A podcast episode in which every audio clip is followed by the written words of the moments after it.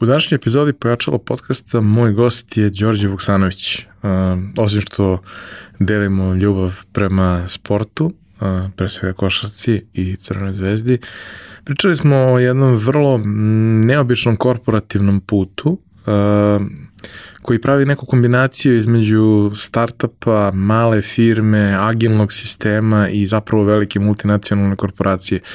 Đorđe je jedan od ključnih ljudi uh, u kompaniji A1 Srbija uh, i bavi se transformacijom kompanije i bio je jedan od uh, glavnih uh, ljudi u projektu Braveheart o kome je pre nekoliko meseci Dejan Turk govorio ovde, a sada ćemo ući u meso i tog i raznih nekih drugih projekata koji su učinili da VIP tada, danas A1, od igrača koji je bio nekako uvek uh, treći uh, na tržištu i underdog, postane igrač koji beleži ponovo rast i koji uh, po svim parametrima popravlja uh, svoje skorove kada je utisak korisnika i briga o korisnicima u pitanju.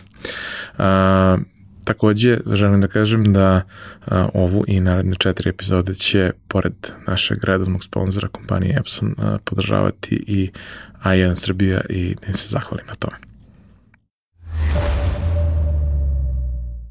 Realizaciju ove epizode podržala je kompanija Epson, koja je vodeći proizvođač projektora i štampača za sve namene, od kućne i kancelarijske upotrebe do profesionalnih uređaja koji se koriste od maloprodaje do industrijske proizvodnje.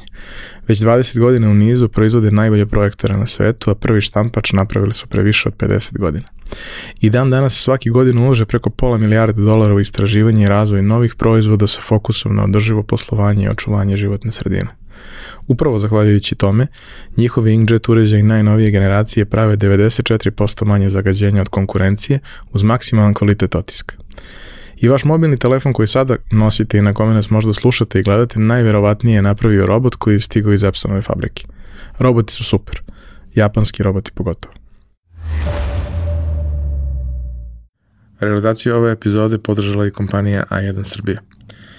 Biznis platforma za poslovno umrežavanje naše mreže na osmom je mjestu Google Play liste besplatnih poslovnih aplikacija.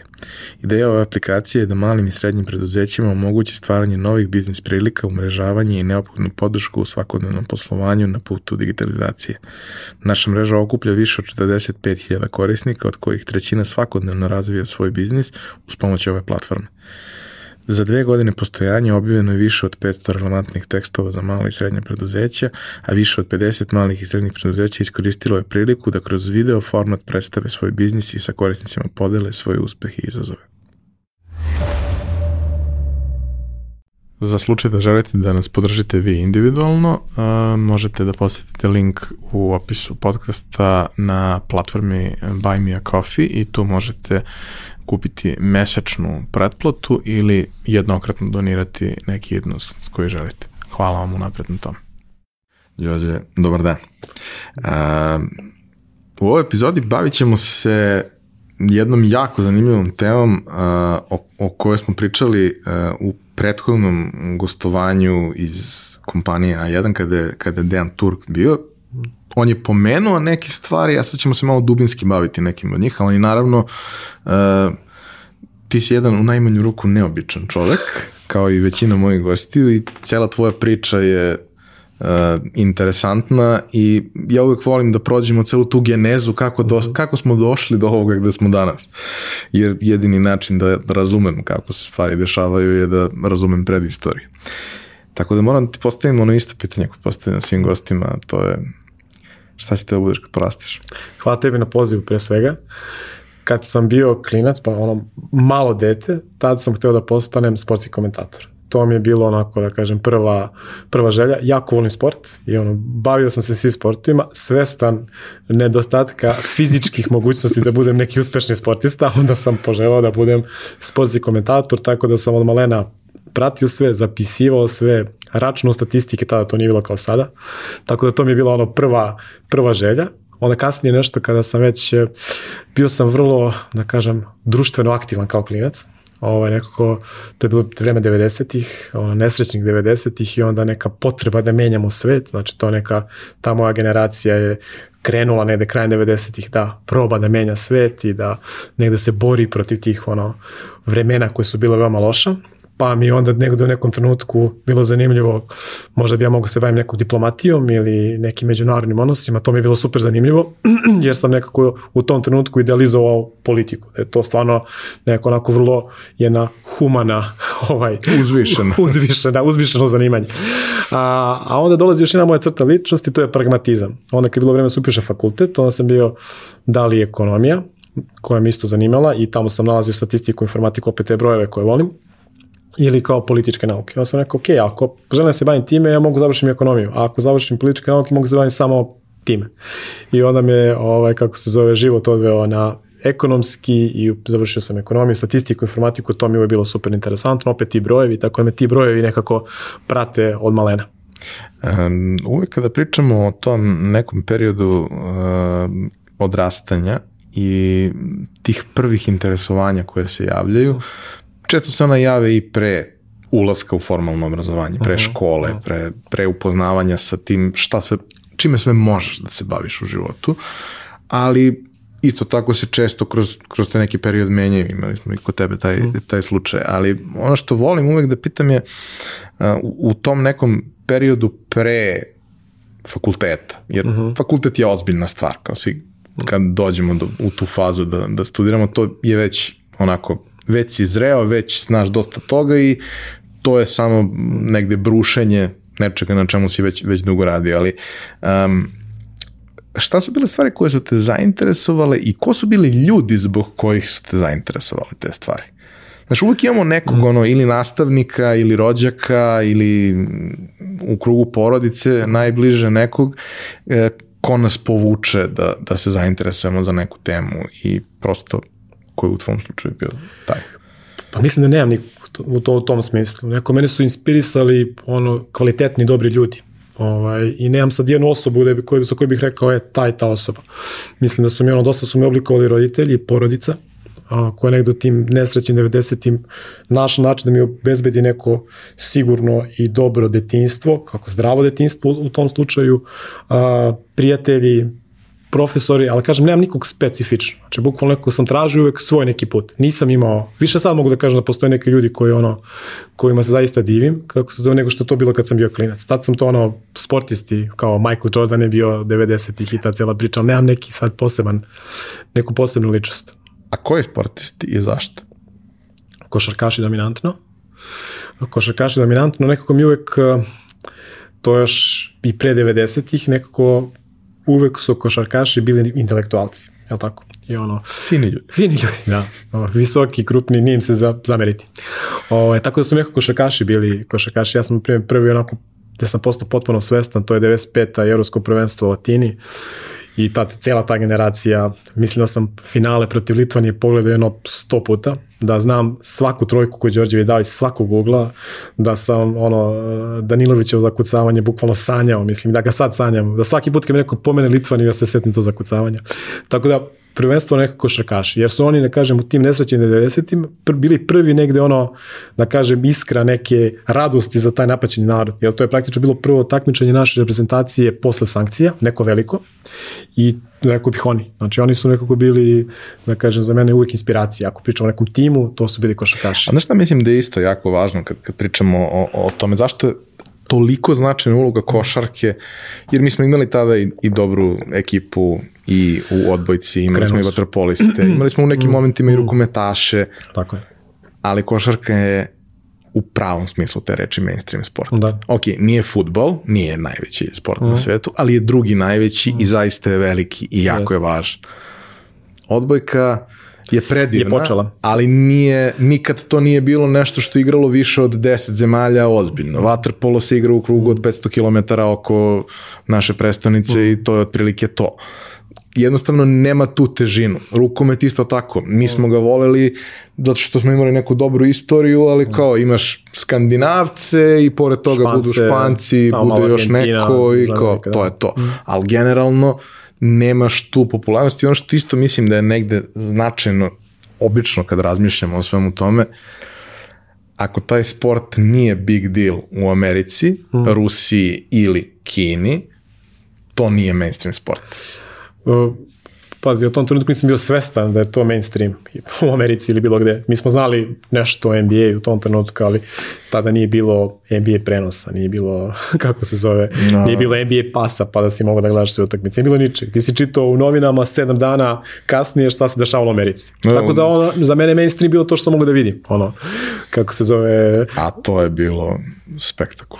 Spektakul, pa da, mislim da sam ono prvi, prvi Prvu stvar koju sam slomio u životu bio je krevet, kada je Zvezda igrala protiv Meša iz Verone, revanš u Beogradu i izgubila u finalu Kupa Korać. Mislim da je to bilo ono najveće razočarenje mog detinstva, tako da definitivno je ko, košarka me definitivno oblikovala u tom trenutku. Da, bio sam na toj utakmici i mislim da i dalje imam posledice, ovaj, ali dobro. Um, fakultet.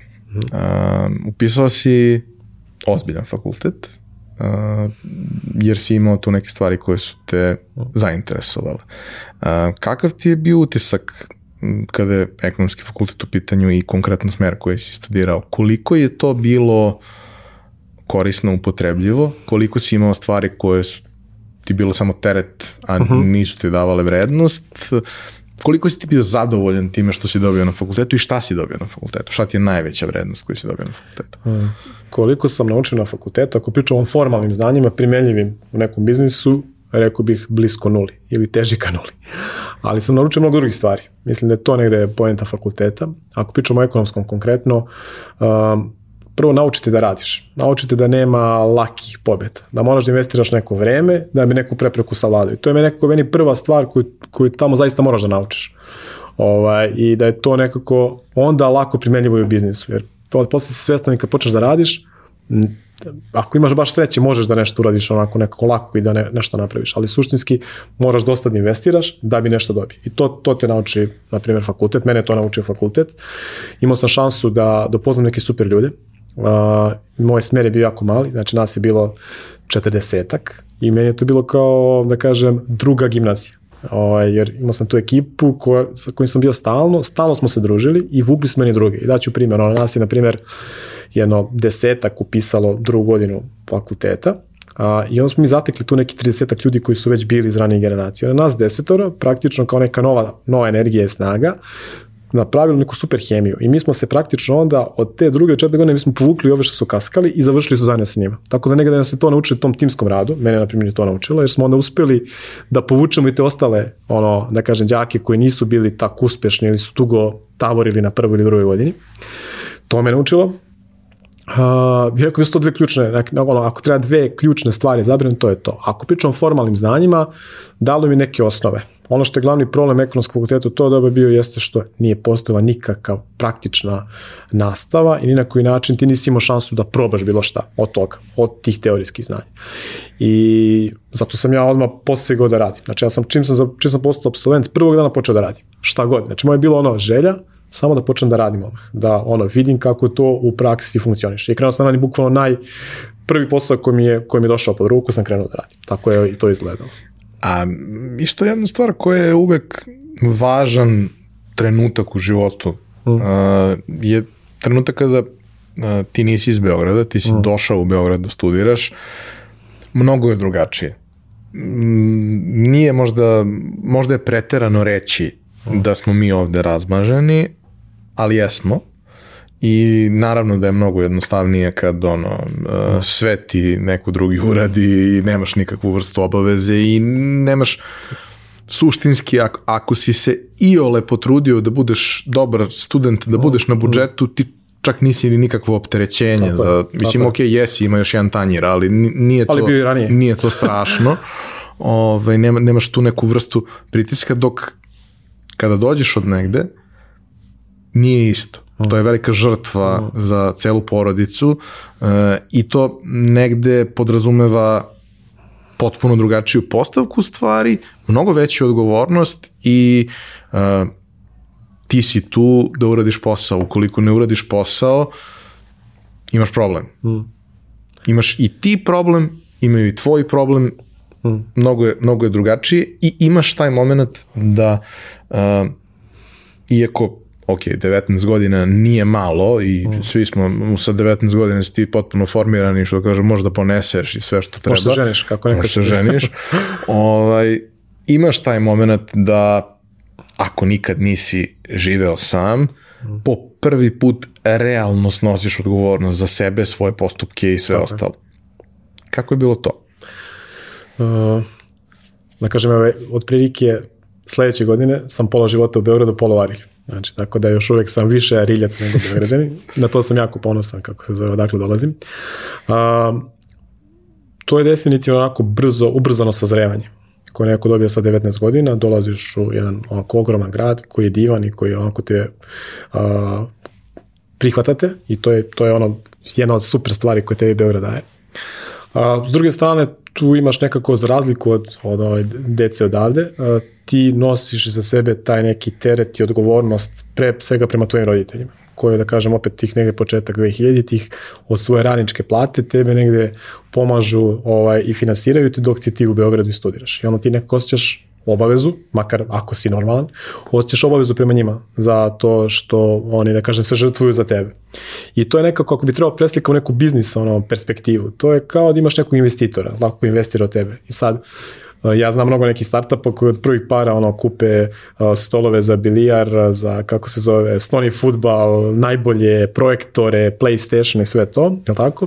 Ovaj, a imaš i one koji zaista te pare ulože u razvijanje nekog produkta. E tako isto i ovo, znači tvoji roditelji su uložili neke pare, je tako? I negde to oni finansiraju. Da ne pričamo o emocijama, aj samo pričamo o tom delu. I ti imaš odgovornost prema njima da neke stvari, da neke stvari uradiš. I ja sam osjećao veliku odgovornost i meni ono, zato sam cilj, kao, ok, završi u roku, završi sa prosekom preko 8,5, što znači dobio si stipendiju, odnosno kredit studentski ne vraćaš, je to kao super, i to sam sebi zacito kao cilj, ovaj, i bio sam presrećan, ono, kad sam došao do nekog svog dinara, gde sam znao da sam njima oslobodio neki teret koji ima na leđima. Tako da to je definitivno velika razlika, jer ono što si malo preti pomenuo za, za, za decu odavde, znači pitanje za moju decu kako će to da bude, jeste to je uh, prelazak iz srednje škole na fakultet gotovo da ne postoji zato što ti si opet u istoj kući, taj tanjir je postoje dok si bio u srednjoj školi, uh, manje više se tu neke, neke stvari ne menjaju. I ja mislim da to zaista nama, nama daje šansu, koji dolazimo sa strane, daje nam taj dodatnu motivaciju, da, glad, znači daje nam tu neku glad da, da uspemo, koja je možda, rekao bih, onako veća nego kod ljudi koji su odavde. I zato sigurno, ako gledamo zapadne zemlje i sistem, da kažem, od, od, odrastanja koji postoji, zato se tamo mladi ljudi brže odvajaju od porodice i kreću svoj samostalni život. Sigurno postoji dobar razlog zašto je to. Ja iz moje lične perspektive pričam kako je to meni, koliko je to meni značilo, iako je možda nekad bilo teško, ali koliko mi je značilo kasnije. Pa mislim, teško je sigurno, mm. ali kada pobediš, ti si pobedio. Mm. A u drugim okolnostima je to nešto što je posledica rada cele mm. porodice i Tako. nemaš pravo na te zasluge, možeš ti da ih pripisuješ sebi, ali, ali nisu samo tvoje. Uh, isto nešto što pitam sve goste i moram da pitam i tebe, um, Šta je bio prvi posao koji si radio? Ne mora čak da bude ni prvo, prvo radno mesto u da, da. tom smislu, nego ono, sezonski posao, bilo Ajde, šta. Ovako, sezonski posao, znači kao svaki dobar riljac, je li tako? Maline, znači imali smo maline, tako da to je bilo onako prvi. Maline i softver, ti si pomirio, brate, dve... Maline, softver i još, još kako se zove, donji veš i to je kombinacija, to, to. to je to, to je ta kombinacija. Ovaj, tako da prvo moje, ono, da kažem, posao je bio porodični posao, pomagao sam roditeljima oko našeg malinjaka. Mogu da kažem da nas taj malinjak i školovao na neki način. Ovaj, to je prilike dodatni izvor prihoda za sve, za sve ovaj, ariljce i to je, kaže, najbolja kombinacija je kombinacija hobotnice i ariljca, jer to mu reći sve može da pohvata. Tako da to, onda sam, pa, isto dok sam bio još školac, radio sam kod ujaka, u, kod ujaka i brata od ujaka sam radio kod njih, ono, njihovom magazinu u firmi, sam pomagao preko leta, jer ja sam 99. kad je bilo bombardovanje, tad smo imali raspust koji je trajao 6 meseci, 7 meseci, tad sam praktično sve vreme radio. Ti si ona generacija koja u srednjoj školi nije polagala primni. Tako je, ali postoji još jedna bolja generacija, to je 80. godište, oni nisu polagali ni za srednju školu jer je provaljeni ispiti, provaljeni su bili testovi, a kad su pisali fakultet, nisu da, da. tako da, ta, ta sam generacija. Tako da je bilo to, onda došao fakultet, krenuo sam prvi dan da radim, krenuo sam u jednom dobrovnom penzijskom fondu da radim, bukvalno uh mhm. back office-u. I sa željom da vidim kako funkcioniš u kompaniji, kako rade, da kažem, da nas, naučim poslovnu korespondenciju I uvek kažem da sam i tu dosta naučio. Ovaj, to mi je bilo, to mi je bilo super, ono, ovaj, super neka inicijalna priča i tu sam upoznao neke ljude sa kojima sam i danas prijatelji, sa kojima se čujem. A, I onda je došao neki job fair na koji sam se prijavio, prijavio sam se na dva posla, to sam ti malo pre i pomenuo, i bio jedan koji mi je zvučao totalno fantastično, jer je bilo onako baš primjenjena statistika i sve to, i bio drugi... I bilo je sporta. I bilo je sporta, tako, znači idealna kombinacija, i drugi je bio ovaj softverska firma, za koju nisam čuo, ovaj, bankarski softver. I ja kao, pa naravno, ići na ovaj prvi pot, na, na, u isti, isti dan, u istom trenutku mi zakažu sastanak, kako se zove, intervju na oba mesta. I ja naravno odem tamo da mi se više sviđa. Ovaj, I završim taj intervju, zvoni mi telefon i kaže, e, pa iz ove druge firme zove kao, izvinite, molim vas, mi smo pogrešili, nije održan danas taj veliki intervju ili selekcija, kako, već, kako su već to opisali, kao bit će sutra. I odem sutra totalno rasterećen, otprilike ono, raspoložen, rasterećen, bez neke nervoze, svega toga i dobijem taj posao. Ne dobijem onda da sam hteo, dobijem na to mesto. I ono, kako slučajnosti, posle se negde uvek ne nešto zacrtano, tu poznam i svoju suprugu i eto. I tu je na znači izvuko najbolje moguće iz te firme, tako da. I posle sam došao u, u VIP, odnosno A1. I uh, tvoja priča u A1 traje već 12 godina. Tako je. I uh, ono što je karakteristično, ja zaista svakom preporučujem da posluša uh, intervju koji sam radio sa Dejanom mhm. Turkom, mm -hmm. koji je na neki način um, možemo da ga posmetramo i kao uvod u mnogi stvari koje ćemo mm -hmm. ovde pričati, gde je on to pričao sa jednog C-level nivoa, a gde ćemo sad malo više da uđemo u meso, mm -hmm. jer mislim da je meso jako interesantno u ovakvim stvarima, kad korporativci prave stvari koje su mnogo karakterističnije za manje organizacije, za startupe, za agilne mm, firme, a ne za nešto što je veliki sistem, Tako. posebno multinacionalni sistem. Uglavnom, uh, Dejan je ispričao tu celu priču. Uh, lepa stvar sa uh, VIP-om od, od trenutka kada se mm. pojavio na tržištu je što je bio velika Greenfield investicija, što je suštinski od starta postavljen kao, kao startup mm. i razvijao se kao startup i uh, borio se za mesto na tržištu koje je suštinski bilo zasićeno i gde nije bilo potrebe za trećim igračem. Uh, trebalo je kreirati potrebu, trebalo je pronaći mesto, naći svoj prostor i privući pažnju, što je čini mi se jako dobro urađeno i sa strane brandinga i sa strane komunikacije i sa strane svega. Uh, ali mm, mnogo je lepo kad radiš u startupu. Mm. Sve, sve što se dešava, se dešava brzo, svi rezultati koji dolaze su najčešće dobri. Mislim, ako pričamo da, posle o tom startupu, obično ti rezultati budu dobri.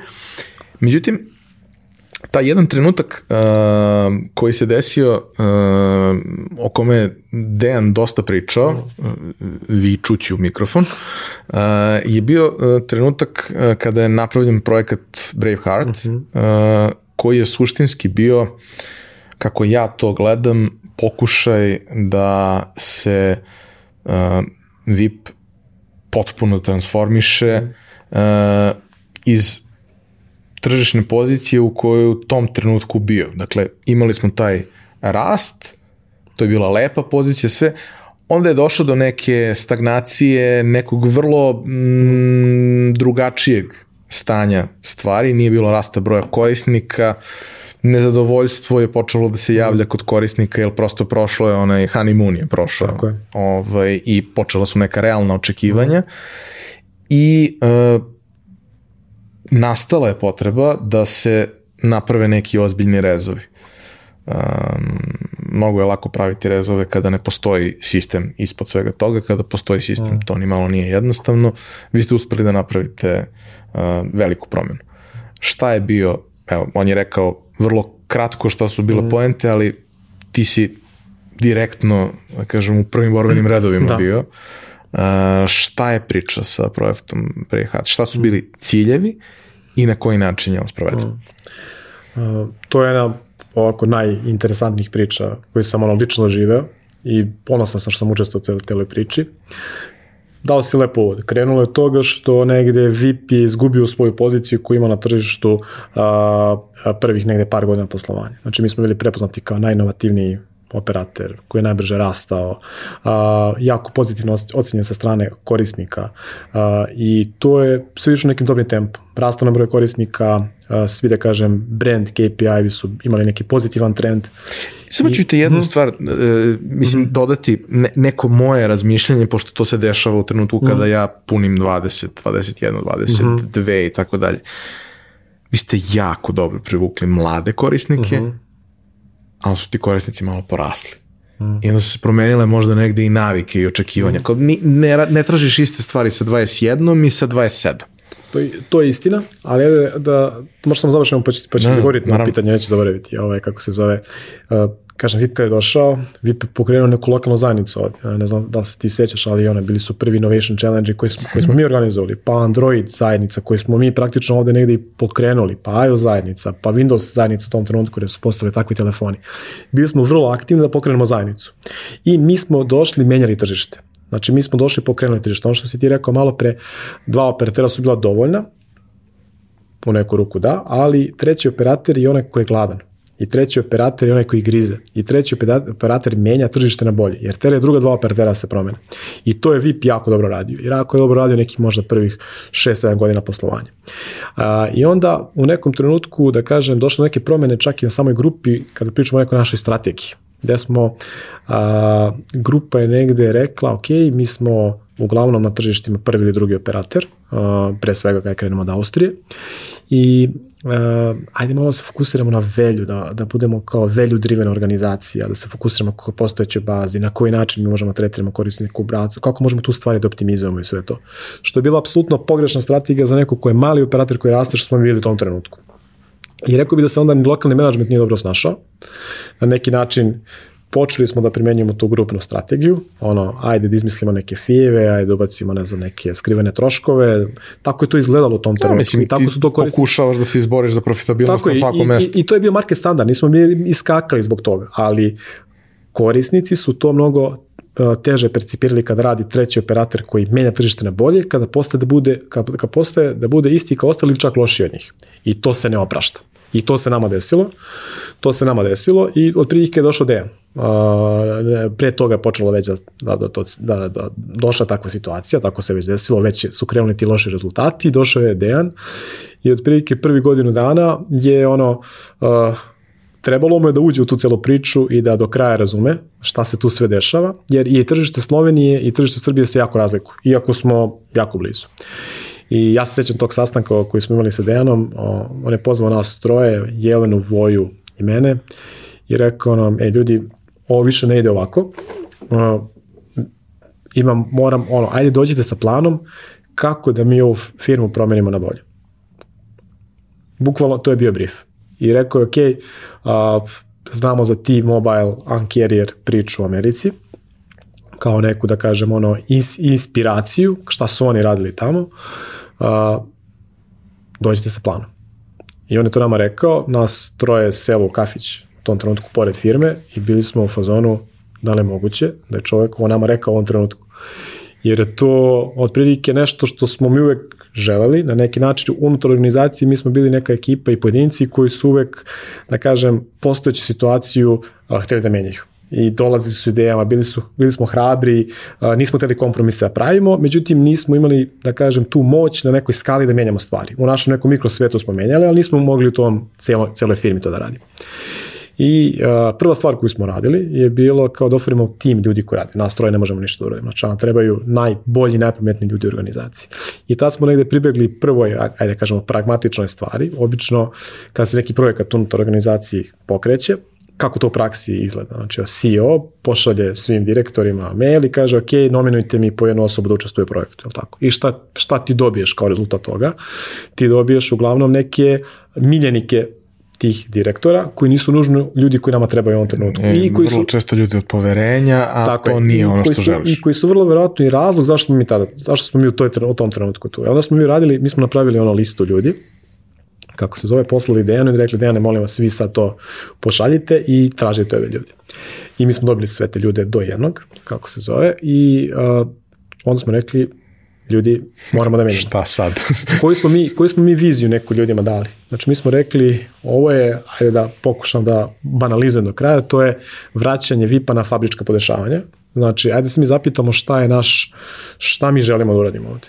Šta je, naša, šta je naša ambicija? I mi smo rekli u tom trenutku biti ponosan što si deo VIP-a. Da je to neko osjećanje koje mi želimo da imamo i kod korisnika, da oni budu ambasadori ono, brenda, kod naših zaposlenih koji kažu, bre, ja radim u VIP-u, ja se super osjećam zbog toga, ovaj, ali i kod svih onih što rade s nama, ej, ja radim sa VIP-om, ja sam neki partner koji radi s VIP-om. I to je bilo neko, da kažem, ono, neka naša vizija koju smo mi imali, mi to želimo. Mi to želimo. I onda smo to pretvorili kako ćemo to izmeriti. Na koji način ćemo da kažemo, na, na, ko, na osnovu koji KPI-eva ćemo znati da smo na pravom putu. Pa smo tu definisali niz nekih različitih KPI-eva, od brand atributa, mere, od, od nekih mera kvaliteta korisničkog iskustva, do nekih finansijskih i nefinansijskih KPI-eva, ali to nam je bilo, da kažem, pozadini fokus i ta velika, velika stvar o kojoj smo mi okupili ljudi je bila be proud to be VIP. A, I ne znajući ništa o agilnoj metodologiji, o skramu, o sprintevima, o ceremonijama, ništa to nismo znali. A suštinski mi smo radili bukvalno rekao bih po knjizi kako se te stvari rade, tako smo radili. Mi smo krenuli od korisničkih pain point. Znači šta su to stvari koje nerviraju korisnike, zbog čega se korisnici najviše žale. Šta je problem u VIP-a, šta je problem na celom tržištu. Pokušali smo da imamo tu market perspektivu i našu internu perspektivu. Šta, šta treba da radimo. I to nam je negde dalo, a, a, to nam je dalo otprilike impuls koje stvari mi treba da radimo u budućnosti. I mi smo posle tipa, ne znam, manje od mesec dana došli sa spremnim planom. Otprilike šta mi treba da radimo naredne dve godine. Uh, i to na različitim nivoima. Šta treba da radimo kada pričamo o našoj komercijalnoj strategiji i o proizvodima? Šta treba da radimo kada pričamo o postojećim korisnicima i tretmanu postojećih korisnika? Šta treba da radimo unutar organizacije kada pričamo o reorganizaciji, promjenu načina razmišljanja? To je znači bio sveobuhvatni plan koji, kažem, je isporučen za manje od mesec dana. I onda smo naravno te planove, bilo je potrebno odbraniti te planove. Ono što je bilo rekao bih najzanimljivije, imali smo sastanak sa grupnim direktorom marketinga u tom trenutku gde smo mi trebali da branimo te plane. I sad, uh, naša cela logika priče je da bi mi nešto napravili veliko, mi, iako je sad loše, mi moramo još više da investiramo u nekom narednom periodu da bi nam se to vratilo. Što od prilike, znaš ono kako... kako na grafikonu izgleda dobro. Na grafikonu Nike znak od prilike, malo ćemo se spustiti, malo to će onda da se vine u nebo. I to je slajd koji sam ja prezentovao u tom trenutku. Prilike baš tako, ali sa toliko nekom ludom energijom, kako se zove, verom da radimo pravu stvar. Zaista. Ja sam bio ubeđen da mi radimo pravu stvar i ta ekipa je bila ubeđena da to prava stvar. I mi, mi smo timski došli do toga. Mi te ideje kada polamo sad iz sa ove perspektive nisu bile epohalne, ali toliko smo mi živeli te ideje, verovali u njih, da je to uspelo da animira ono celu masu unot, u ljudi unutar organizacije. Elem, imali smo sastanak sa tim grupnim direktorom marketinga i to je prošlo, trajalo 8 sati, nas troje, četvore to prezentovalo. Uglavnom, ja znam da sam 4 dana posle imao temperaturu 40. Ja sam to toliko fizički i uh, emocionalno iscrpeo da sam se razboleo. Ovaj, ali toliko smo verovali, toliko smo verovali tu priču i jednostavno onda je to krenulo. A šta su bile te stvari? Dejan je pomenuo neke mm -hmm. od mhm. njih, ali volio bi da ih i ti podcrtaš negde, jer prosto... A, može, naravno, naravno. To je osnova fair odnosa prema korisniku i dobro korisničkog iskustva. Mi smo, kažem, osnov za produktne aktivnosti bilo je šta je to što boli korisnike. Šta je to što ne, najviše boli? I oni su rekli, postali ste kao banka.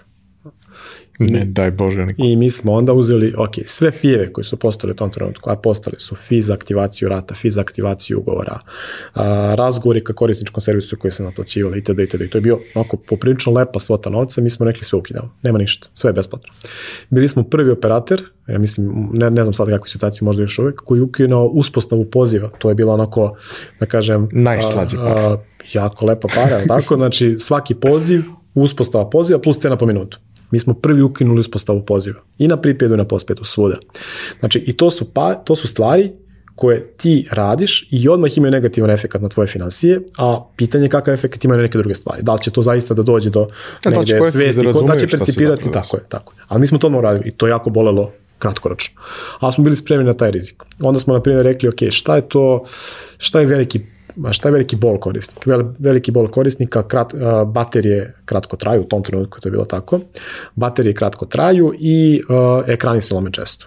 Kako se zove? Mi smo negde već rekli, ok, imamo hardware osiguranje, to hoćemo, ali ne možemo da stignemo, prva naša aktivnost u decembru te godine je bila, a, bila je poklon, gde smo svakom korisniku dali eksternu bateriju i dali smo mu staklo za ekran, što je bio deo paketa koji smo nudili. Znači, po defaultu su svi dobili to.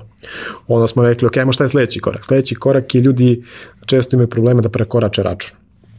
Ok, onda smo rekli imamo proizvod koji se zove Live Belt, gde mi dajemo još jedan uh, iznos tarife u smislu sadržaja, koji korisnik može da iskoristi kada mu zatreba pa ne znam, ovaj mesec umesto da ti naplatimo 10 minuta van paketa, ti koristiš tog virtualnog paketa koji smo te dodelili. I taj ti 24 meseca, znači pokrivate kad god se to desi. Onda je došlo sledeći najbitniji korak verovatno za nas, to je lansiranje Neo tarifa, što je bilo otprilike u Srbiji ono pitanje i feedback korisnika, ok, suda je to već dostupno, nema kod nas u zemlji, ko će to prvi? I mi smo rizikovali i napravili pravi potez. Ono što, što bih rekao razlikuje tu našu strategiju nekih drugih aktivnosti jeste što najlakši potez je bio da smo mi odmah nasirali neograničene tarife. Ono što mi hteli jeste da ipak u nekom periodu od godinu dana pokažemo tržištu, da se menjamo i da radimo zaista dobre stvari u dužem vremenskom periodu, da smo konzistentni na tom nekom pravcu u napređivanje korisničkog iskustva. I onda smo rekli, kad budemo dovoljno došli na tom kad budemo dovoljno došli u tom putu, kada nameramo nekog kvaliteta korisničkog iskustva i percepcije, mi se zaista poboljšamo do te neke tačke, mi idemo sa ovom pričom. I onda smo to uradili i rekao bih od tog trenutka pa nadalje, nekako mi vodimo tržište. I to je, to je mislim, najbitnija stvar za ekipu koja radi, koja radi kod nas, jer nekako jako je lepo kad si ti a, negde u cipelama i ti diktiraš tempo kako će se ovo tržište menjati. I kako će, se, kako će, se, kako će svim korisnicima tržištu biti bolje. Jer uvijek kažem, ok, vi pisaš prvi sa neotarifama, ali onda su druga dva operatera ispratila. To, što znači, dragi korisniče drugog operatera, tebi je sad bolje zato što vi poradio nešto. Jel tako? Ono što je I... jako dobro, zato što specifična je jako industrija. Mm, mm. Uh, ozbiljan ozbiljan novac se vrti, ali profit je zapravo vrlo mm. skroman u celoj toj matematici. Ali uh, komunikaciono je to jako dobro ispraćeno mm -hmm. sve i možeš ti da ne budeš korisnik, ali ako se desi nešto mm. značajno na tržištu, ne možeš da ne primetiš nove reklame. Kogod da ih je uradio, da. svi ih rade fantastično. Svako Tako na svoj način Tako i svako ima neki svoj mm. ono senzibilitet koji mu se više ili manje dopada, ali jednostavno ono sve, sve reklame za operatere su neki od najbolje osmišljenih yes. i najbolje produciranih reklama na, na ovom tržištu. Mm. I prosto ti znaš da se to desilo. Znaš po billboardima, znaš po reklamama, mm. znaš po YouTube-u, znaš svuda. Ne možeš da ne primetiš trend ko je lider ako prati. Mm. Tebi kao korisniku nije nužno bitno da li, da li si, tebi je bitno da dobiješ ono što, što želiš, ali ne možeš da ti, ne možeš da ne primetiš, odnosno teško je da ne primetiš da postoji neki distrapt, mm. da se nešto talasa, jer kao, kao što se desilo na tržištu banaka, mm -hmm. kao što se, kao, neko je došao i onda su se svi aktivirali. Mm. Zašto? Pa zato što su morali, ne zato što su hteli. Jer, mislim, niko ne želi da menja nešto u čemu se osjeća komotno, jer svaka izmena podrazumeva investiciju koja je ogromna i u infrastrukturu i u sve ostalo. Mm. Pričali smo to pre nego što smo ovaj, počeli da snimamo, mislim da je jako bitno da se, da se dotaknemo toga. Uh, tržište mobilnih komunikacija, telekomunikacija uh, je suštinski, ok, kao sada deluje kao da je najbolji ikad, mm. ali zapravo iz ugla biznisa nikad nije bilo gore, nikad mm. nije bilo teže, nikad nije bilo zahtevnije i nikad nije bilo mm. manje profitabilno. Mm. Kako je to izgledalo kroz vreme? Ti znaš otprilike presek stanja, čisto da ljudima da. oslikamo business case. Rekao bih da su kraj 90-ih, početkom 2000-ih, to su bile zlatne godine uh, mobilnih operatera u tom smislu. Tada je tek počelo, da, da kažem, ta veliko skaliranje usluga mobilnih operatera. Uh, set usluga je bio neuporedivo skromniji. Tako, ne, neuporedivo skromniji. A, operateri su vodili celu priču, a, kako se zove, i onda su jednostavno, a, da kažem, to bio korunik zlata u tom trenutku. I onda, onda se desila nove tehnologije, desile su nove tehnologije, desila se regulacija tržišta.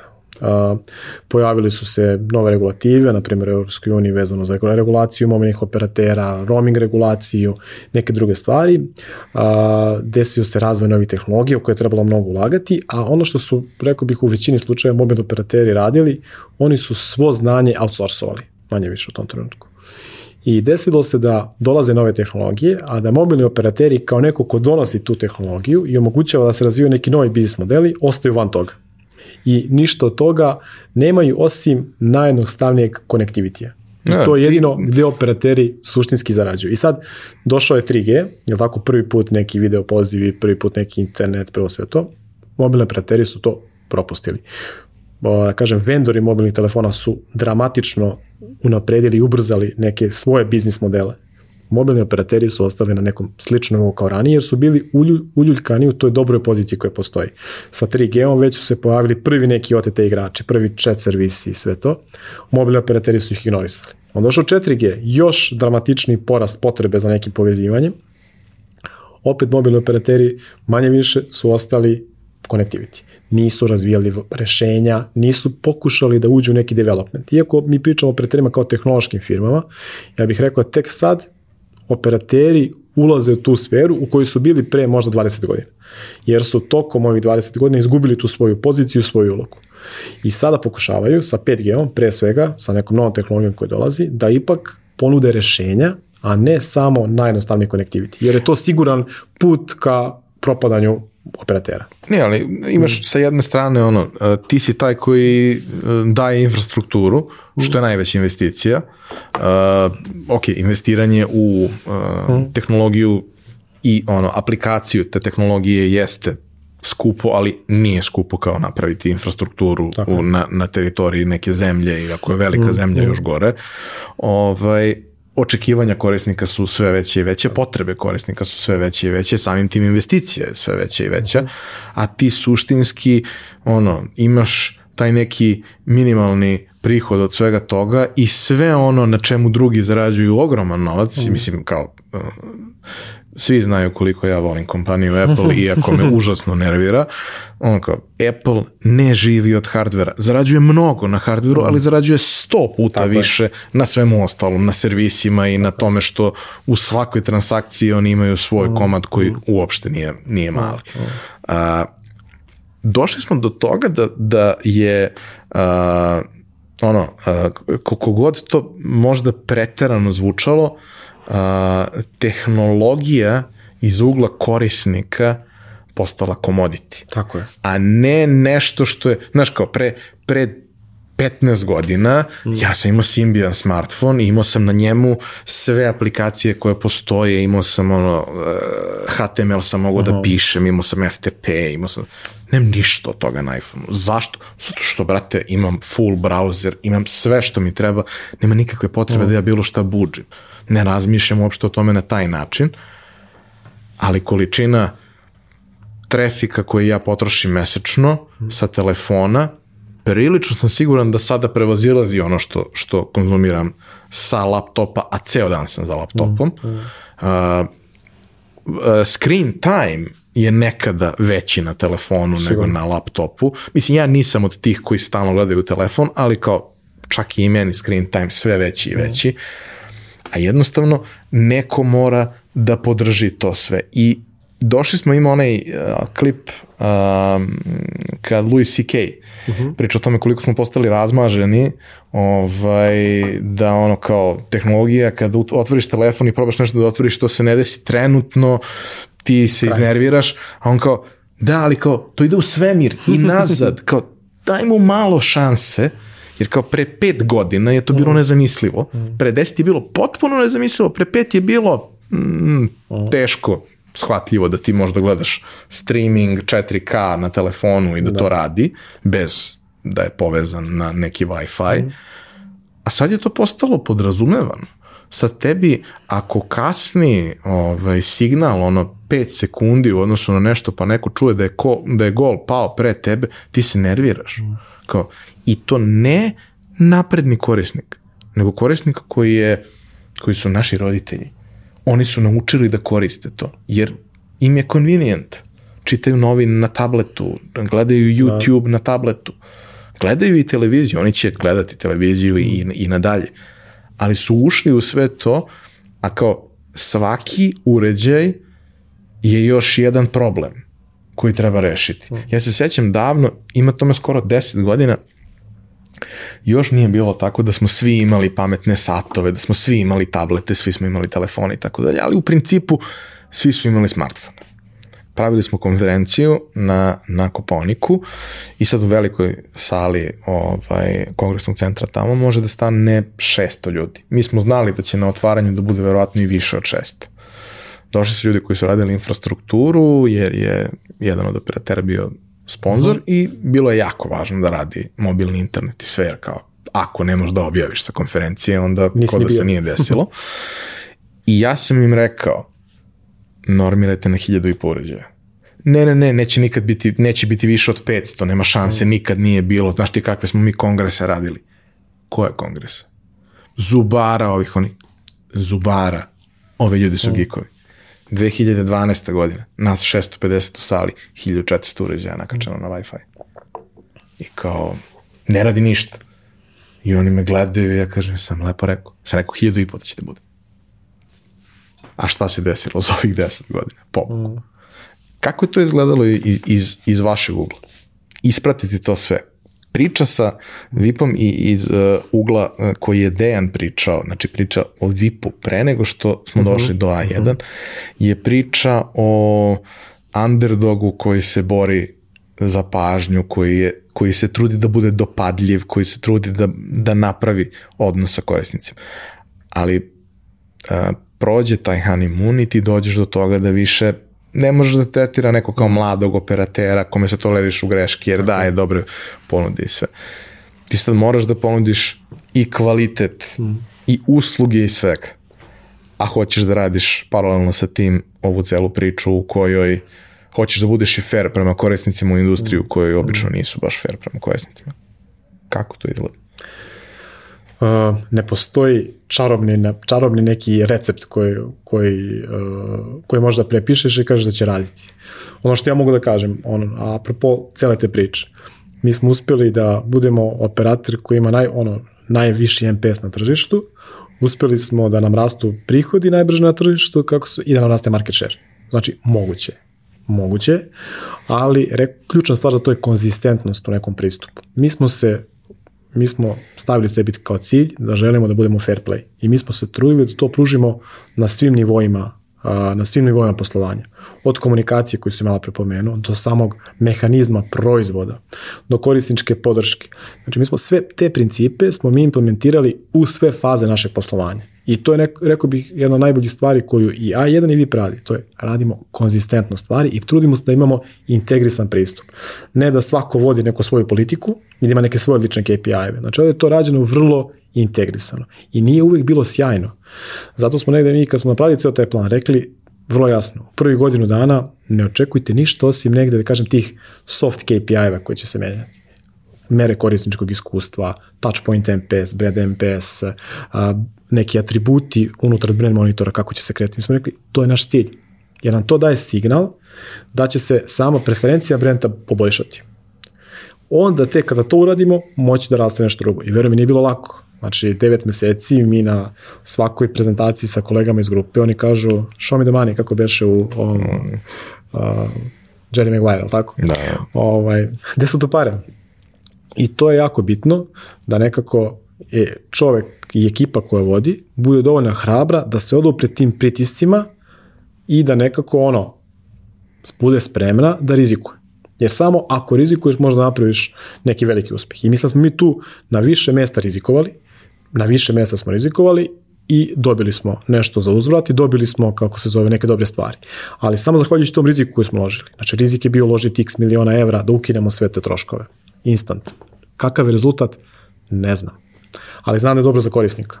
Znači, mi smo, znali, mi smo jednu stvar znali, znali smo da je to dobro za korisnike ali nismo mogli da izmerimo koliko će to biti dobro u budućnosti finansijski za nas. Ne, vrlo teško napraviti tu predikciju. Tako je, tako Možeš je, da izmeriš ne, ne, kroz vreme, možeš ali ne možeš kroz da vreme, ali ne postoji business case koji će to opravdati. Znači to je, ja verujem u tu priču, ja živim, živim tu priču, želim da zaista pokažem da je korisnik nama na prvom mestu. I nemam garanciju da ću uspeti, ali ne vidim drugu opciju, otprilike. To je bila naša neka priča s kojom smo ošli. I onda smo u tom trenutku, povrh onih investicija u ceo taj projekat, mi smo rekli želimo da budemo najbrži i najbolji 4G operator. I želi smo tu da napravimo veliki iskorak, a, jer percepcija mreže nije bila sjajna, kao, a, i onda smo uložili ubedljivo najviše i prvi smo pogurali razvoj 4G mreže u Srbiji. Znači, VIP je u tom trenutku vodio celo tržište, najbrže smo radili bazne stanice, najviše smo zemlje pokrili i onda su drugi operateri to pratili. Ja mislim da je Srbija bila jedna od najrazvijenijih zemalja kada pričamo o 4G pokrivenosti, kvalitetu servisa, svega toga, od svih zemalja u Evropi, znači u top, u top, u top na primjer 5 ili top 10 zemalja u Evropi, zato što su operateri jako mnogo investirali. Mi smo to pogurali i svim korisnicima je bilo bolje. Tako da ono, nekad su stvari vrlo jednostavne, a to je zaista pokušajte da se fokusirate na korisnika. Ako kažete da je najbitnije korisničko iskustvo, pokažite i živite to. Nekad to ima kratkoročne, loše ovaj, a, a, efekte, ali dugoročno daje rezultate. Ja sećam neke priče 2000, mislim, 14. stvari znam tačno kada je bilo oktober, tam mi se čerka starija rodila. Bio sam u Amsterdamu u nekoj poseti, nas par ljudi iz firme otišli u Amsterdam u Toyota. Toyota je prepoznata kao firma koja negde globalno pruža najbolje korisničko iskustvo imaju super procese koji sve to prati i onda smo sa njima pričali oko, oko te neke cele priče a, upravljanja korisničkim iskustvom. I su nam pokazali kako i najlošije stvari u nekom korisničkom customer journeyu, kako ga zovemo, tako, kako i najlošije stvari, kako njih može napraviš neke wow momente. I mi se uvijek trudimo da nađemo koji su to problematični i kako njih napravimo wow momente. Ja ću dati primjer, na primjer, iz te industrije. A, najveći problem za, za, za, za Toyota u tom trenutku je bio, odnosno Toyota Lexus, bio je dostava automobila, isporuka. Znači, prodavac potpiše ugovor sa korisnikom, je tako, i u tom trenutku kad više korisnik ne interesuje, jer će isporuka bude za 2-3 meseca kad to stigne već. I šta su oni radili? Redizajnili su proces tako, da potpiše se ugovor, onda korisnik dobija informaciju u svakom trenutku gde se njegov auto nalazi, sa sve slikom tog automobila koji je sa nekom mašnom i sve to. Onda te pitaju, ok, a koji ti miris u kolima vodiš? Koji su tvoje omiljene radio stanice? Koji je, ne znam, temperatura u, kola, u kolima koji ti redovno podešavaš? I taj auto stigne, oni te sačekaju, svak, kad dobiješ svaki sedmici gde se nalazi, kako izgleda, kako stiže, non stop si up to date, stigne automobil, ti uđeš unutra, a to je onaj automobil, je tako, koji ti želiš sa tim mirisom koji bi ti volio da osetiš, sa tim radio stanicama na koje si navikao, je tako, sa temperaturom koja je prilagođena tebi. I od nečega što je bilo ono katastrofalno korisničko iskustvo, bez nekog velikog ulaganja, napravili su nešto što je strava. E to smo se isto trudili. Ok, koji su problemi nekih customer journey kako možemo da ih kako možda ih promenimo, kako od tog, ne znam, poziva korisničkom servisu besnog korisnika, kako možemo to da, da, da, da, da, da promenimo i kako to korisniku da pomognemo da, da nas percipira drugačije. Znači, jednostavno to je bio rekao bih ono tajna uspeha, posvetiti se korisniku njegovim potrebama. I da kažem, mi tu možemo kažemo sad da budemo neiskreni i kažemo bez kompromisa. Kompromisi se moraju praviti. Znači ti praviš neke kompromise, ali se trudiš da imaš neku crvenu liniju ispod koje ne ideš. Kažeš, ok, ove kompromise mogu da napravim, jer mi ne utiču dramatično. Ali neki kompromise, neka crvena linija mora postoji. Ako ne postoji crvena linija, opet ćeš se vratiti, rekao bih, u neki tradicionalni pristup koji svi imaju, a to je pričamo o tome da su na korisnici bitni, a prvom prilikom kad nastane problem mi prebacimo problem. Prebacimo, tako je i ajde, sad ćemo mi kroz neki revenue gap meru da rešimo to što nam fali neki novac. I rekao bih da je ta onako konzistentnost, posvećenost daje rezultate dugoročno. Kratkoročno morate biti spremni da, ono, da neki, neki gubitak prihvatite i to je to. Znaš šta ja mislim da je isto jako važno kad, kad pričamo uopšte o tome uh, šta čini korisničko iskustvo mm. dobrim. Ti možda ne možeš korisniku da rešiš problem. Nekad možda i možeš, mm. ali često ne možeš da ga rešiš. Ali prosto način na koji komuniciraš sa njim mm -hmm je, je vrlo često mnogo veći izvor frustracije Slažim nego sam problem. Slažim se. Najveći problem sa korisničkim iskustvom uh, kod nas, bavio sam se dosta time za, za, za razne mm.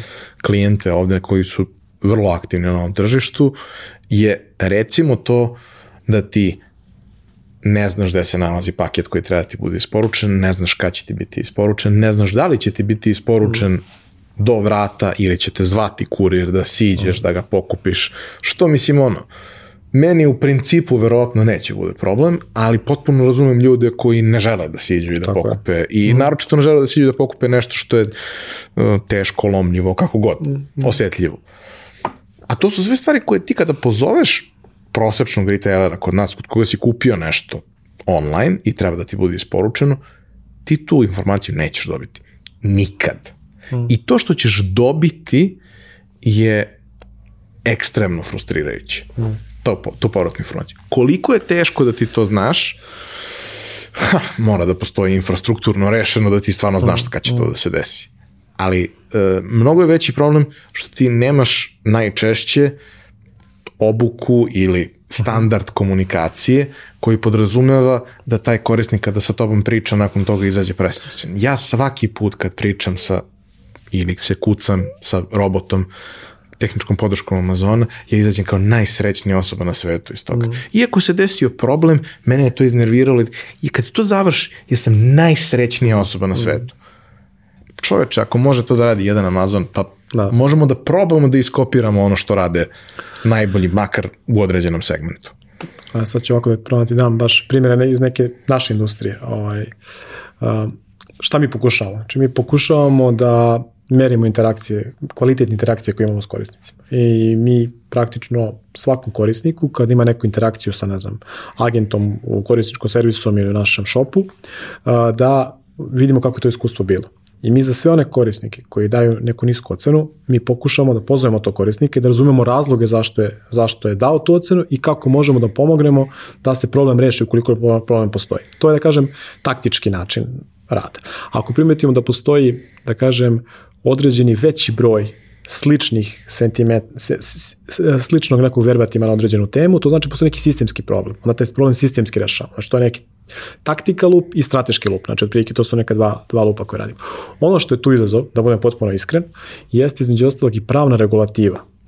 A, zašto ti ili neki drugi korisnik dobija ponekad sulude odgovore od retailera, telko operatera ili bilo čega. Jer nekako zakonska regulativa tebi kaže ne priznaje da si kriv.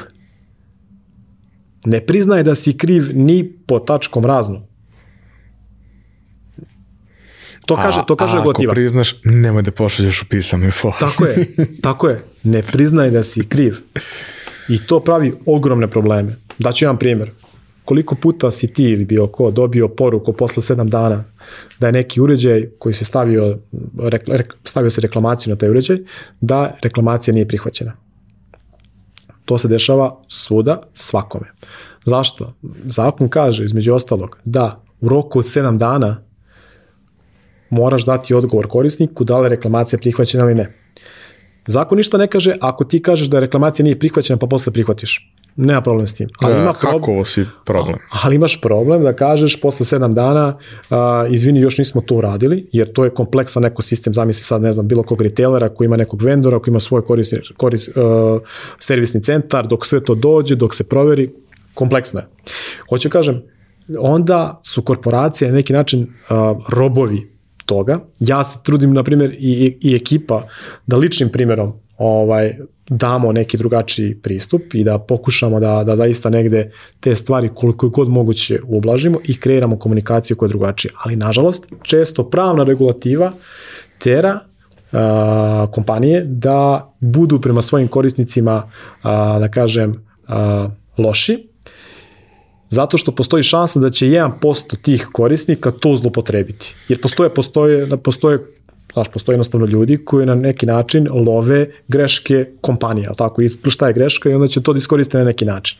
I ti sad zbog 0,1% takvih, ti si prema onih ostalih 99,9% nisi ok. Ja daću ti jedan primjer, skoro imali smo jednu žalbu, momak je, uh, momak je pisao mail uh, i uh, otprilike rekao da neke stvari mu nisu najjasnije kako u nekom našem procesu funkcionišu na web sajtu i da sumnja da je tu postoji neki problem i da bi on voleo da se čuje sa nekom, nekim iz senior managementa kompanije. I ja sam rekao, ok, evo, ja ću da se čujem s njim. Čuo se sa momkom, rad, raz, prvo stvari koje je on pomenuo, mi smo sve proverili. Ona smo vidjeli da su neke stvari nejasne zaista kod nas u procesu, da nema zloupotrebe bilo koje, ali su nejasne stvari kao takve. Jedno smo ih uradili promenu da to bude jasno krajnje korisniku šta se tačno tu dešava. Ja sam ga okrenuo, on je prvo bio izrazito zadovoljan što ga neko krenuo iz, da kažem, ono, iz upravnog odbora, izvršnog odbora, kako god.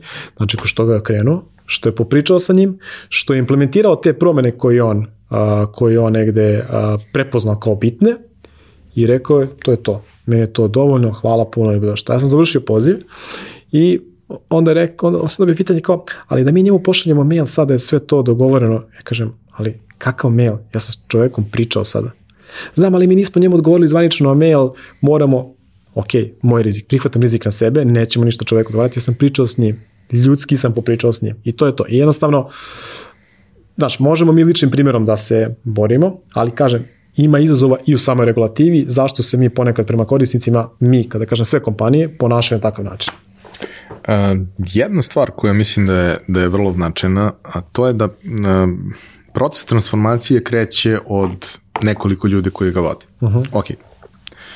Imali ste Dejana koji vam je dao priliku i verovatno vas troje kada vam je rekao, mm. te prvo pomislili nemoguće da je toliko blesava, da. onda ste shvatili da očigledno jeste. Dobili ste prostor uh -huh. a, da to uradite, dobili ste podršku, dobili ste potreban tim mm. i staff da to izvedete. E sad, a, svako od nas je konačan resurs kada uh mhm. -huh. su u pitanju nove ideje, inovacije i sve uh mhm. -huh. ostalo. I način da jedan sistem koji je veliki ostane inovativan i da, da pravi stalno dobre rezultate je negdje i potreba da se konstantno obnavlja i podmlađuje. Mhm. A, vrlo je teško u krutom sistemu napraviti prostor za ideju, mm. napraviti prostor da ljudi slobodno iskomuniciraju ono što hoće i ono što misle da je dobro i posebno da budu nagrađeni adekvatno za to što su uradili, jer mislim, mm. da, da. Svi, smo, svi mi funkcionišemo po principu kazni nagrad. Koliko god to bilo ono primalno. Manje ili više. ali kao svi, niko uh, niko neće odbiti to da bude pohvaljen ili nagrađen da. za nešto što je dobro uradio. Mm. Prosto takvi smo, to je mm. potpuno u redu. Kako to funkcioniše u sistemu kao što je A1 danas? Mm, mislim, mislim da tu zadržavamo onu stvar koju je, čini mi se Dejan pomenuo kod tebe. Mm, on je rekao je tad prepoznao neke mlade ljude u organizaciji koji imaju neku želju da menjaju stvari i koji možda nemaju taj seniority nivo u organizaciji da to mogu da na velikom, na nekoj velikoj skali, ali imaju potencijal i tu iskru očima. Ovaj, uh, iskra je na mojih omiljenih reči, tako mi se zove starija čerka, tako da ovaj, ja obožavam iskre u očima i ja se uvijek trudim da tražim ljude koji to pokazuju. No, ti ljudi su obično malo blesavi.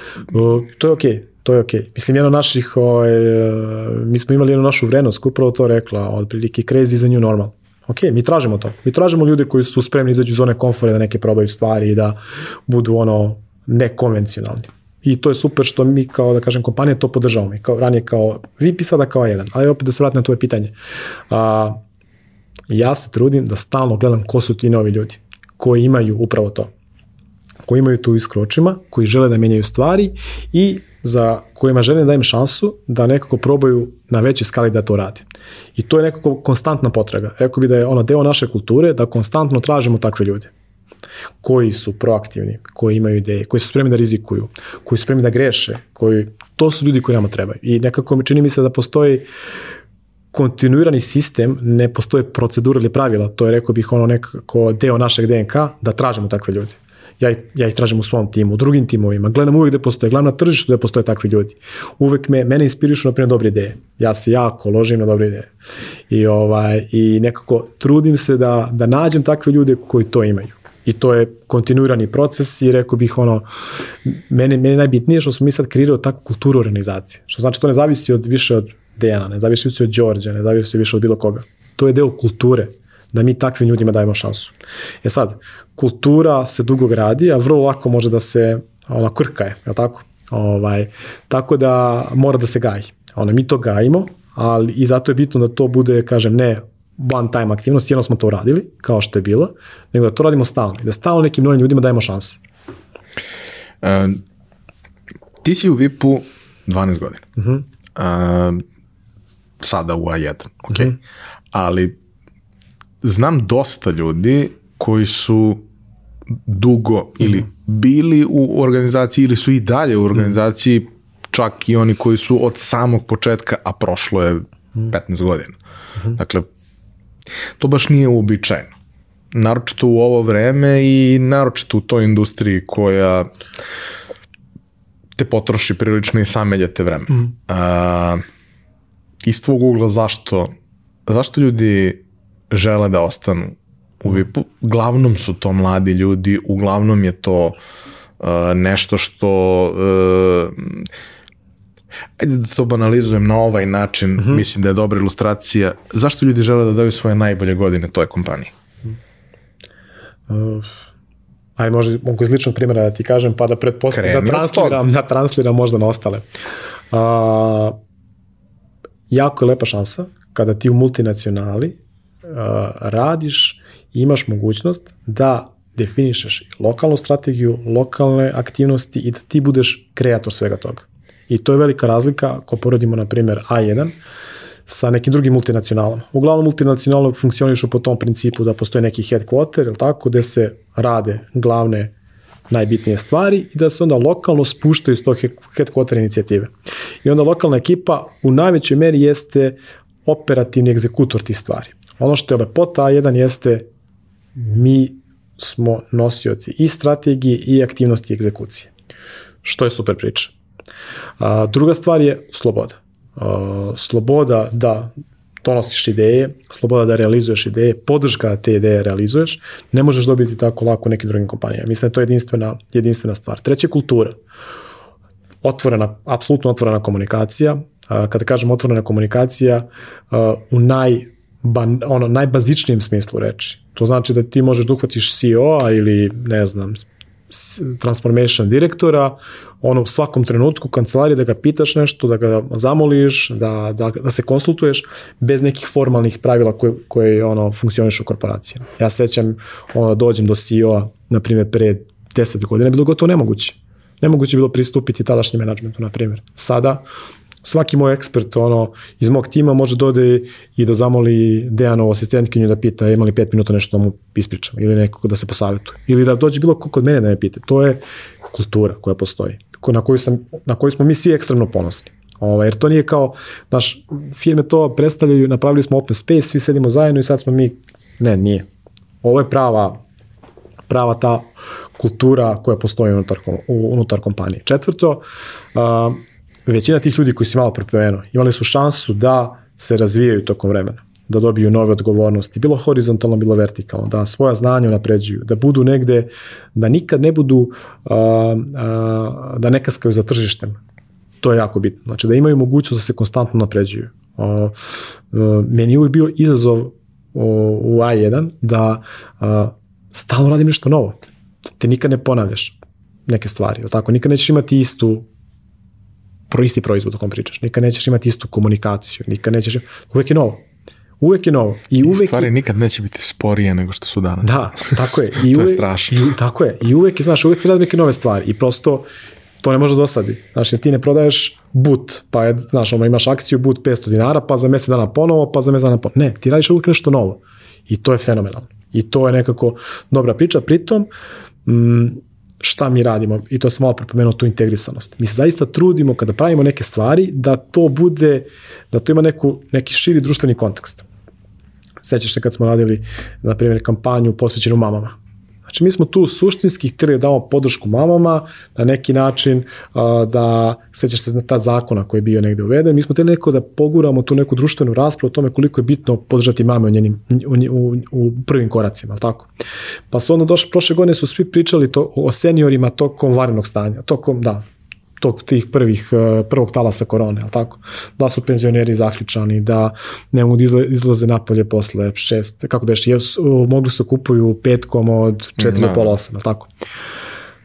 Šta smo mi uradili? Mi smo sačekali da to prođe. Kad su svi pričali o tome, mi smo da došli, došli septembar ili oktobar i mi smo rekli, posvetili smo kampanju seniorima, na tako? Gde smo mi pričali o tome koliko je bitno posvetiti naše vreme njima.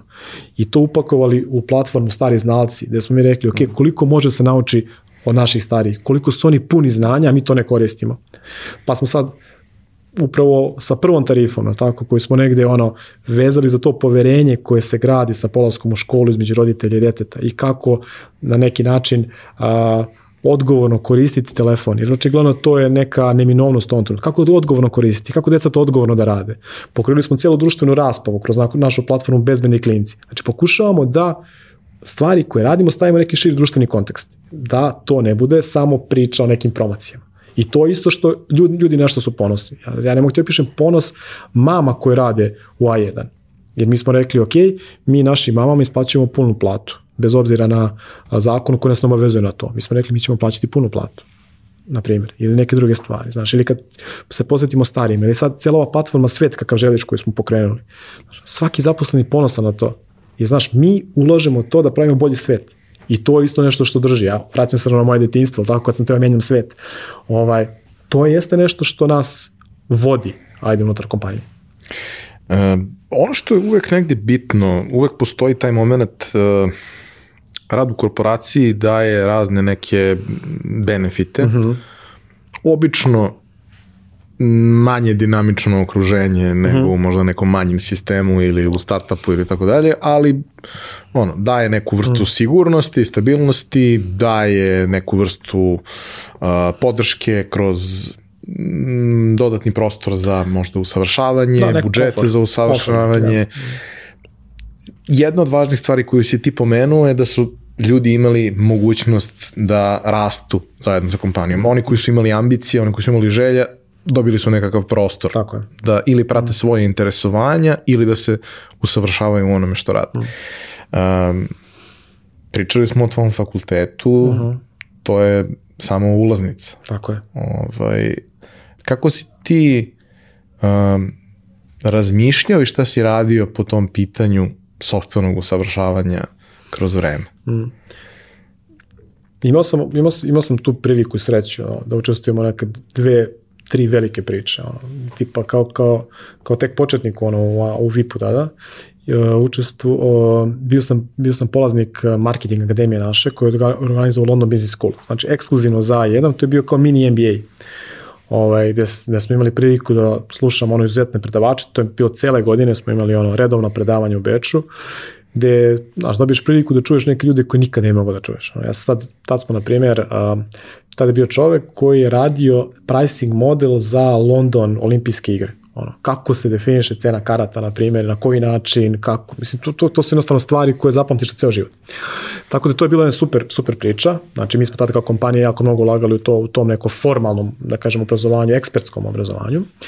Onda mi se desila jedna super priča sa, sa američkom privrednom komorom ovde, postojala, ta, postojala jedna takmičenje koje još uvijek postoji, MCHEMS se zove, uh, vrlo zanimljivo, to je meni mnogo, mnogo, mnogo mi je značilo, jer tad sam prvi put bio na neki način mentor, uh, to su mentorski parovi gde se uzmu mladi, a, mladi menadžeri iz kompanija članica Američke privredne komore i studenti završnih godina fakulteta koji su se prijavili neki konkurs koji su isto selektovani u tom prič, u tom negde sistemu i a, onda imamo kao neki speed dating i praktično sistem odluči ko će biti par u tom smislu.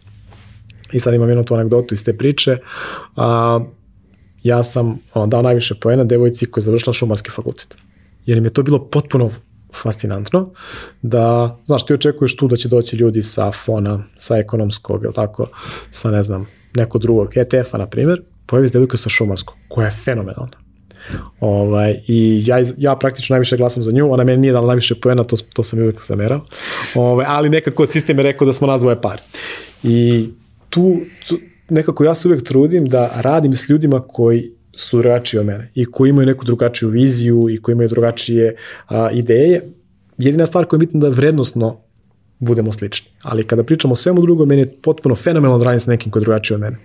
I nas dvoje smo bili u tom programu Američke prvne kormere, nas dvoje smo prilike želeli svaki put kad završimo neki zadatak, ono, a, mi budemo srećni. I mi kažemo, e, mi smo novi super posao. Sa takvim pristupom mi smo pobedili na tom takmičenju, kako se zove, i ja sam dobio uh, stipendiju za MBA. Pa sam onda, zahvaljujući tome, otišao na MBA, a, koji sam isto završio pre dve, tri godine, koji mi isto doneo a, a, ne toliko formalnom, ali u neformalnom smislu upoznao, imao sam priliku da upoznam fenomenalne ljudi.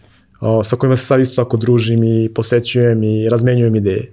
I to je nekako najbitnija stvar iz, iz te neke cele, cele priče, da kažem. Ono, uvek mogućnost da upoznam neke nove ljude koji imaju neke lude ideje i neke lude priče, mene to inspiriše. Ovaj, na primjer, na čemu imali smo isto fenomenalne predavače. Čak možda, možda, možda čak i bolje od NBA. Ono, ja se dalje, ono, od prilike predavanja Miša Lukića, ono, znam svaki detalj te prezentacije koje, koje, koje, koje je prezentovao, jer je bio, fe, bio pre, previše inspirativan od prilike. Tako da, te stvari meni mnogo znače. Eto. I, i, I nekako sam se trudio da uvek ono, da kažem, više fokusa stavim na ljude, koji su tu sa mnom u tom nekom uh, sistemu, nego li na samo to formalno uh, obrazovanje i edukaciju. Mislim sam kroz taj neki zajednički rad sa njima, razmenu ideja, mnogo više učio nego, da kažem, kroz same neke ove formalne priče.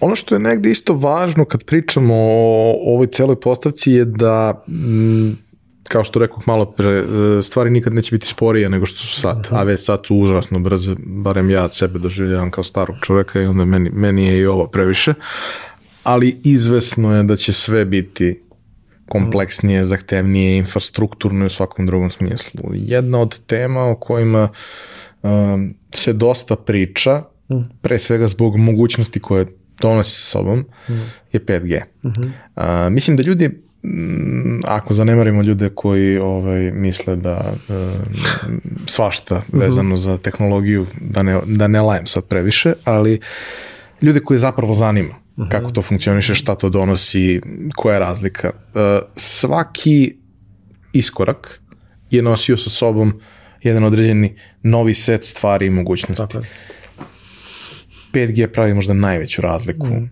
do sad. I biće izazovno dobiti dobru pokrivenost, napraviti da to funkcioniše kako treba.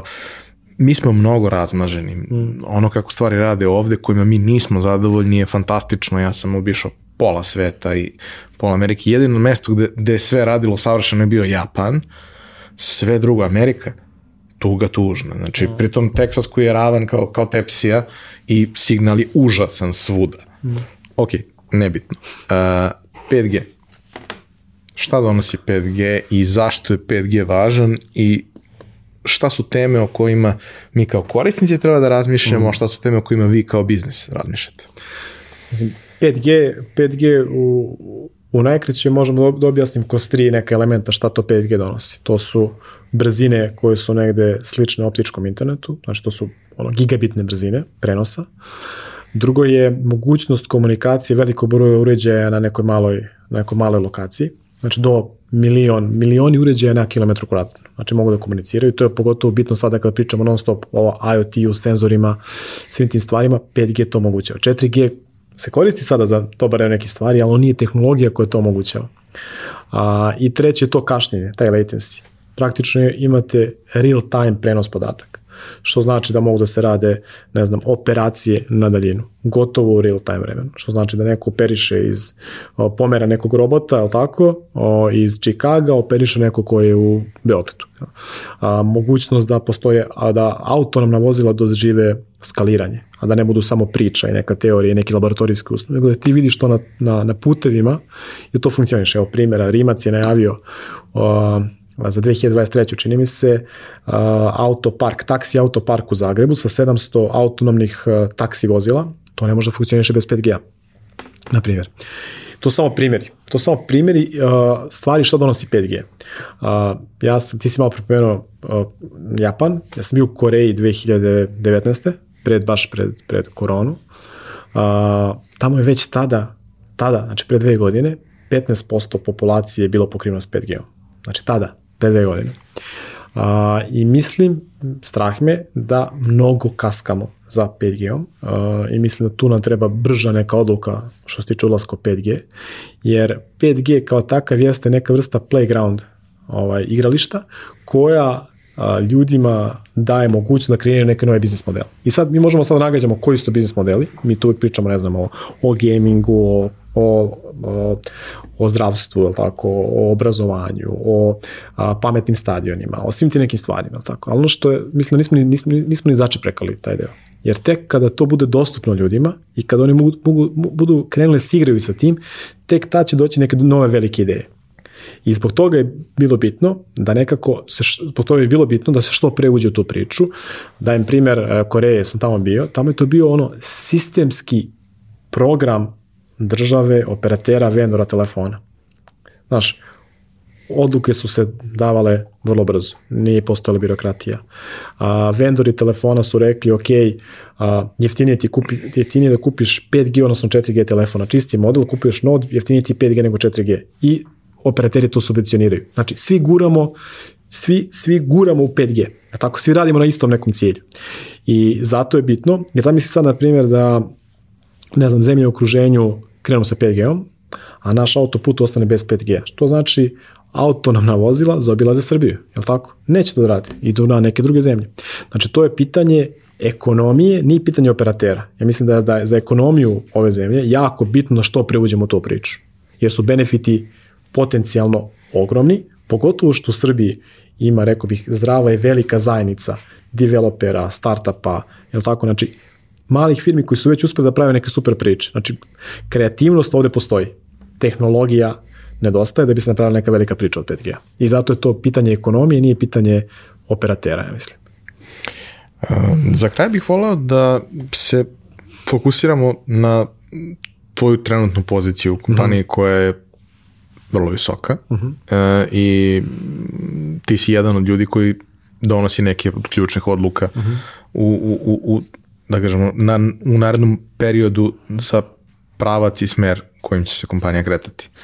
Um, pored ovih tema koje smo već pokrili, uh -huh. šta je još uh, nešto o čemu A1 razmišlja u narednom periodu? Dejan je pomenuo iz svoje vizure neke uh -huh. stvari, uh, Dejan je pričao malo više na meta nivou, ja od mhm. tebe očekujem da pričaš malo više na konkretnom mhm. nivou. A,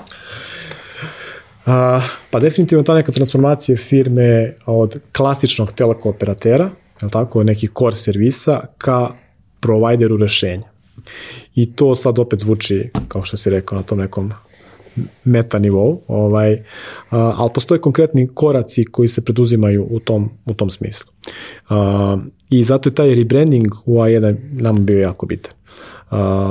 Mi na nivou grupe smo formirali jednu firmu koja se zove A1 Digital, koja je upravo namenjena tome kako mi da nas, naše asete koristimo bolje, kako da kreiramo rešenja, koja će biti ono koje će korisnicima dati neku dodatnu vrednost, a ne samo jednostavan connectivity.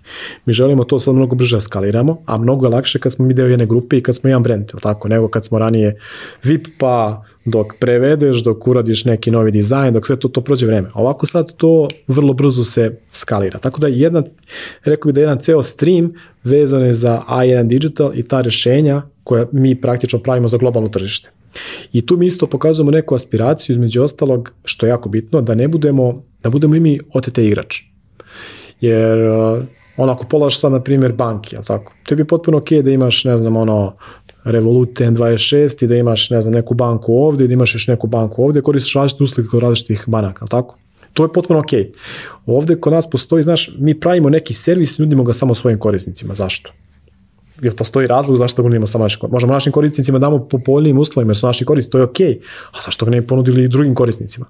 Malo promena mindseta, znači mi treba da razmišljamo o, kao OTT igrač, je tako? Znači da pristupimo i drugom delu tržišta koji u ovom trenutku držimo zatvorenim. Treći, treća stvar, rekao bih, inovacije van core biznisa i negde podrška i start, startup nekom ekosistemu a, i, i promena, rekao bih, korišćenje toga da mi imamo 1300, 1400 zaposlenih i korišćenje njihove kreativnosti da razvijaju neke a, biznis modele van naše core biznisa.